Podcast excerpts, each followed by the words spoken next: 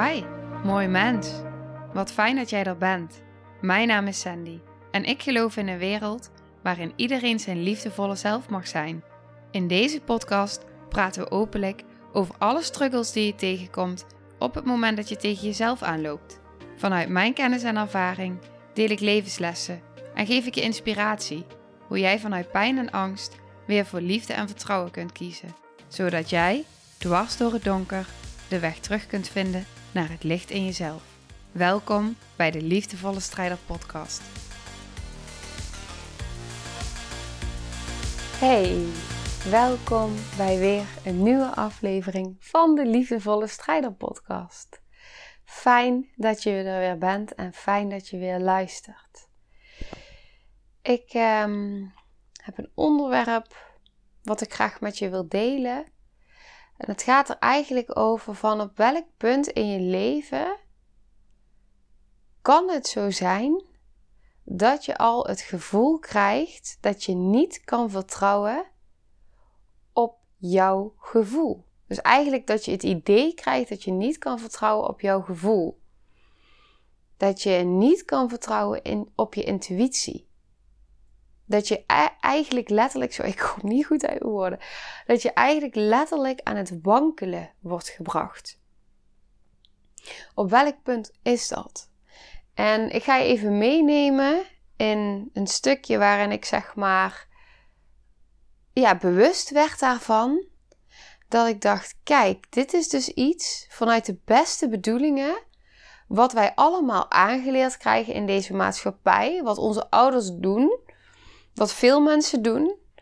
Maar wat er wel voor zorgt dat jij, al zo jong en klein als je was, ging twijfelen aan jouw intuïtie, aan jouw diep weten, aan jouw gevoel. Oké, wat is dat dan? Nou, ik ehm, ben dus, ik, ik heb het volgens mij al gedeeld in een aflevering, maar ik ben dus momenteel een module aan het volgen van de energetische therapie bij kinderen en baby's. En op een gegeven moment werd er dus iets gezegd. En dat is bij mij heel erg blijven hangen. En van de week kwam ik zelf in een situatie waar die dus weer omhoog kwam. Dus ik ga je even meenemen. Eigenlijk werd in dat voorbeeld werd dus gegeven van, stel je voor, je hebt een kind, of nog beter, stel je voor dat jij een jong kind bent. En jij voelt dat iemand die jou opvoedt, dus of dat nou je ouders zijn of misschien een leerkracht, eh, een opvoedkundige rol hebben, dat diegene zich niet zo fijn voelt op dat moment. Jij voelt als kind dat diegene verdrietig is. Stel je voor, jij bent een kindje op de bank en mama staat te koken en jij voelt dat er iets mis is met mama, dat er iets aan de hand is. Dus jij loopt naar mama toe en je vraagt van, wat is er aan de hand? Is er iets, mama? En jouw mama draait zich om en zegt: Nee, nee, nee, nee, of schat, niks aan de hand. Vanuit de bedoeling: ik wil jou niet belasten met mijn verdriet. Ik wil jou niet belasten met mijn pijn. En vervolgens draait mama zich om en ze veegt snel even een traan weg. Of je hebt een groep leerlingen, lerares heeft s'morgens flinke ruzie gehad, of de relaties uit, zit niet lekker in haar vel. Kinderen voelen dat. En ze zegt: Nee, nee, nee, niks aan de hand. Alles gaat goed met mij. Het is natuurlijk vanuit de beste intentie om jou niet als kind te belasten. Maar wat er eigenlijk gebeurt op dat moment, is dat jij als kind dan voelt van jeetje, ik voel toch dat er verdriet is. Ik voel het toch. Maar ze zegt dat er niks aan de hand is. Dus ik zal het wel niet goed hebben. En dat is het punt waarop een kind al begint met twijfelen aan zijn eigen gevoel. Dat is het punt waarop een kind niet meer durft te vertrouwen op zijn eigen gevoel. Dus als je nu als volwassene heel veel jaren later niet snapt waarom jij dus niet durft te vertrouwen op je intuïtie en vol in je hoofd zit en niet durft te vertrouwen op je gevoel, dan zijn dit soort kleine, tussen haakjes kleine momentjes eigenlijk al heel groot daarin. En heel erg leidend daarin. Want dit zijn van die momentjes waarop je gaat twijfelen aan jezelf. Aan jouw intuïtie, aan jouw dieper weten, aan jouw gevoel. Dus ik had afgelopen week. Ik had. Hij komt waarschijnlijk wel iets later online. Dus op het moment dat hij online komt, is het al langer geleden. Maar goed, dat even terzijde. Ik had dus uh, drie um, intense lesdagen gehad. En de eerste dag was vanuit de shamanistische jaartraining. En de twee dagen daarna was van de uh, lichaamsgerichte traumatherapie. En ja, dat was best wel intens. Veel geraakt, veel getriggerd, veel gevoeld, veel gebeurd, ook letterlijk. En heel veel delen in mij, ja, heel veel delen in mij werden geraakt, letterlijk. En wat er eigenlijk gebeurde was de dag daarna, was ik dus uh, thuis met Noah. En ik zou eigenlijk in de ochtend voor het eerst gaan babyzwemmen met Noah. We hadden eigenlijk een proefles babyzwemmen. Maar ik had ook niet zo'n goede nacht gehad. En uh, hij had om zes uur had hij dus gedronken. En de babyzwemmen was om negen uur. Dus ik wist al, die gaat om negen uur honger krijgen. En uh, dus ik dacht, oh, ga ik dat doen? En hij wil dus niet altijd van de bos drinken. Dus dan gaat het ene moment goed, het andere moment niet. Dus ik zag het, ik ging in mijn hoofd zitten. In alle vermoeidheid die ik op dat moment voelde. En alle intensiteit van die dagen die ik voelde. Dus het was en, en, en. En op dat moment ging ik dus heel erg in mijn hoofd zitten. En ik dacht, oh, en dadelijk dan kom ik eraan. En dan uh, moet, ik, uh, moet ik hem gaan, moet ik bosvoeding geven, maar dan lukt het niet. En dan moet ik ook nog gaan kolven. En dan hult hij. En dan missen we alsnog de les, want het is maar een half uurtje. Dus ik dacht, hoe ga ik dat allemaal doen? En toen dacht ik op een gegeven moment, nee, Nee, niet in je hoofd gaan zitten. Vertrouw er maar gewoon op. Dus weer zo'n andere strenge stem die dan tegen me zegt: Hey, ik kan dat wel. Hoppakee, bikini aan, tas inpakken. En op het moment dat, dat ik wilde gaan, begon hij te huilen. En voelde ik: Jij hebt gewoon honger. En dacht ik: Nee, dit gaat nu niet.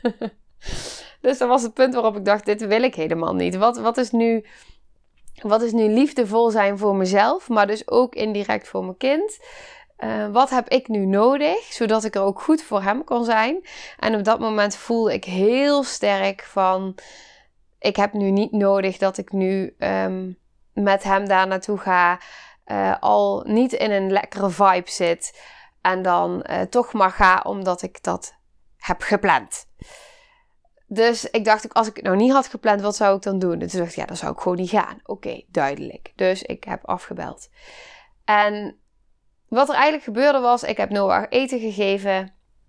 En vervolgens heb ik hem in de draagzak eh, bij me ja, gehangen eigenlijk.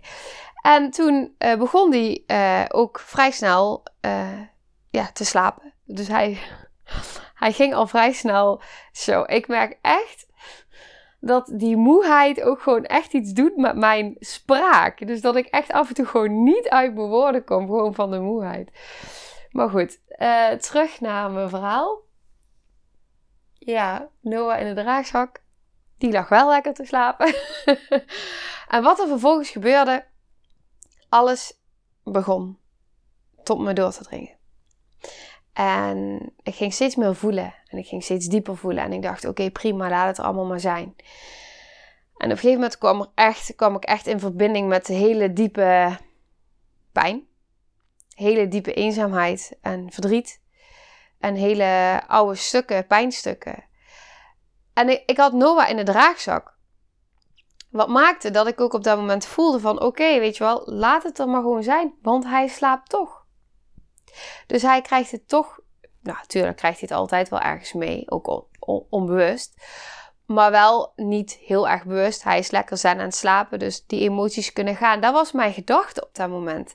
En dat is dus precies, ook als je het dan hebt over dit verhaal. Als hij wakker was geweest, had ik mezelf ook mogen toestaan dat mijn tranen er mochten zijn. En dat was ook even zo'n besefmoment achteraf ook en ook tegelijkertijd. Want iets in mij zegt dan van ja, maar als ik mijn tranen er laat zijn, op het moment dat hij wakker is, dan ziet hij mijn verdriet, dan zadel ik hem daarmee op en dan ben ik misschien wel een slechte moeder. Maar het is juist op het moment dat ik het voel, hij voelt het ook. Hij voelt het toch wel. Dus laat het hem dan ook maar zien. En dat was ook wel echt zo'n moment. Het, ik kon er op dat moment ook echt niet omheen hoor, want die emotie ging echt wel even heel diep. En zelfs zo diep dat ik ook echt op een punt was dat ik dacht: oké, ik heb hulpbronnen nodig nu voor mezelf. Oké, wat zijn ook alweer? Ja, gezonde hulpbronnen. Ik heb natuurlijk ook hele destructieve hulpbronnen vroeger voor mezelf gehad. Die kwamen ook even omhoog. Gelukkig ben ik inmiddels zover dat ik ook wel uh, mijn gezonde hulpbronnen voelde en kon vinden in mezelf. En die ook, uh, ja, kon aanzetten, zeg maar. Kon, kon gebruiken, kon inzetten. En wat ik ben gaan doen, ik heb eerst letterlijk een uur lang naar buiten gestaard, naar een boom. En gevoeld. Dus alles wat ik voelde, heb ik gevoeld. Al, eh, alle eenzaamheid die omhoog kwam, het verdriet, de tranen stroomden over mijn wangen. En ik heb het gewoon allemaal laten zijn. En ja, gewoon helemaal omarmd. En wat heel fijn was ook op dat moment, was Noah die hing dus in de draagzak tegen mij aan. En ik had mijn armen om hem heen. En ergens gaf me daar ook een soort gevoel van geborgenheid voor mijn kwetsbare deel of zo. De kat die kwam bij me zitten, de hond die zat bij me. En ik zag die stevige boom staan. En op dat moment voelde ik ook gewoon van oké, weet je wel, ga er maar doorheen. Jij kan dit. Jij kan dit aan. En ik kon gewoon met zo'n diep deel verbinding maken. Met zo'n kwetsbaar stuk van mezelf. En ik kon het zo in die intensiteit voelen. Op een gegeven moment voelde ik na een uur of zo dat ik dacht: oké, ik wil gaan tekenen. En ik ben achter mijn bureau gaan zitten en ik ben een hulpbron die ik altijd in mij heb, ben ik gaan tekenen. En ook op dat moment, Noah sliep nog in de draagzak. De hond kwam bij me liggen op mijn voeten. De kat die kwam naast me liggen op het bureau. Ja, dat was zo fijn. Telefoon had ik uitgezet, muziekje op de achtergrond. En dan voel ik dus op een gegeven moment, dan, dan ga je daar doorheen. Die, de huilen is ook dan geen twee uur. Dat is een moment, dat, dat komt even. En vervolgens laat ik het ook los. En dan is het ook echt eruit. En dan voel ik me ook letterlijk opgelucht. Ik voel me goed. Ik heb even mogen voelen. Ik heb even verbinding mogen maken met een stuk. En het is door me heen. Het is eruit. En dan kan ik er letterlijk ook weer zijn. En dat is dus het verschil op het moment dat je dus denkt vanuit bepaalde overtuigingen, vanuit wat we misschien hebben geleerd van ja, nee, maar ik mag de ander er niet mee belasten. De ander mag het niet zien. Ik moet het alleen doen. Ik moet sterk zijn. Ik mag niet kwetsbaar zijn. De ander voelt het toch wel. En met name kinderen, maar een ander voelt het sowieso. Maar kinderen voelen het drie keer, ja, die voelen het helemaal. En dat is dus ook wat heel belangrijk is hierin, is dus op het moment dat jij dus weet van, oh mijn ouders, die konden eigenlijk nooit goed met hun emotie omgaan, die waren geblokkeerd, betekent niet dat het niet op diepere lagen er was en dat jij dat als kind wel hebt gevoeld en hebt gezien, maar dat je er niks mee kon en dat je daardoor bent gaan twijfelen aan jezelf. Dus het is even, deze aflevering is eigenlijk tweedelig. Het ene deel is dus heel erg van oké, een stukje erkenning misschien en herkenning voor je van oké, daar ervaarde ik dus al die twijfel en die um, splitsing in mezelf eigenlijk van oké, ik voel dit, maar er wordt me iets anders verteld. En aan de andere kant is ook een stukje van het durven toestaan bij jezelf dat die emotie er toch wel is. Dus dat je hem er maar beter kan laten zijn en kan uiten. Want op dat moment ben je er ook vervolgens letterlijk doorheen.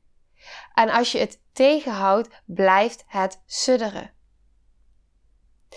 Op het moment dat ik zou voelen van nee, het mag er niet zijn nu, dan ga ik het tegen houden, waardoor het continu in mij blijft borrelen. En borrelen. En borrelen. En borrelen. En op een gegeven moment, in één keer, dan, gaat die, dan loopt die emmer over. Dan gaat die druppel eroverheen en is het te ver. En dat heeft ook geen zin. Dus daarin is het dan ook heel erg voelen bij jezelf. Van oké, kan ik het? En voor mij was het nu dus heel fijn in dit geval dat Noah sliep bij mij. Waardoor ik het voor mezelf even, hè, waardoor ik eigenlijk voor mezelf even heb kunnen wennen aan het feit dat hij letterlijk bij mij is op het moment dat ik dus um, kwetsbaar ben. En diepe emoties voel, die er toch zijn. En dan ook daarin dus mezelf steeds meer durven toestaan, ook als hij dadelijk ouder is, dat op het moment dat ik het voel en dat hij tegen me zegt: Mama, ik zie of ik voel, wat is er? Weet je wel, als je aan me vraagt wat is er, want ik voel het, dat ik dan zeg: Ja, mama is een beetje verdrietig. Want mama's mogen ook verdrietig zijn. En papa's mogen ook verdrietig zijn. En kinderen mogen ook verdrietig zijn. Het mag er allemaal zijn. En je mag ook boos zijn. Het mag er allemaal zijn. Dat is het. En dan, op het moment dat die transparantie er is en die openheid er is, maar dus ook jouw kwetsbaarheid. Wat zou dat wel niet doen voor de verbinding, zowel met jezelf als met de ander? En wat wil je meegeven? En ook op het stukje inderdaad, hè, het stukje bij jezelf. Als jij dit herkent bij jezelf, dan hoop ik dat je daar ook. Uh, want vaak is het van ja, ik, ik, ik kan niet voelen. En ik heb het allemaal afgestoten en ik begrijp het niet. En waar komt het dan vandaan? Maar het kan dus al in hele kleine dingen zitten. En die vind ik dus ook heel belangrijk om te benoemen. Van het kan dus al iets heel kleins zijn, kleins lijken maar uiteindelijk wel een hele grote impact hebben. En wel bepaalde overtuigingen teweeg brengen die jou nu nog, ja, die nu nog in jouw systeem zitten. Ja. Wat is hij? Voor nu. ja, dus daar, um, ja, daar wil ik het even bij laten. Ik hoop dat je hier wat mee kan. En dan wens ik je een hele fijne dag.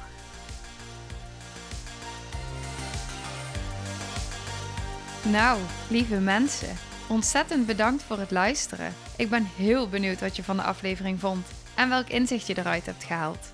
Mocht je nog vragen hebben of is er een onderwerp waar je meer over wilt weten, laat het me dan weten. En wie weet neem ik het mee in een van de volgende afleveringen. Als je het leuk vindt, kun je de aflevering delen of maak een screenshot en tag me op Instagram. Want ik vind het echt super tof om te zien wie er luistert. De link van mijn Instagram staat in de beschrijving bij de podcast. En wil je blijvend geïnspireerd worden? Klik dan op abonneer of volgen in de podcast-app waarmee je luistert. Dat zouden ik en alle toekomstige luisteraars enorm waarderen. Want dat zorgt er namelijk voor dat de podcast beter gevonden wordt. Nogmaals, dankjewel voor het luisteren en heel graag tot de volgende aflevering.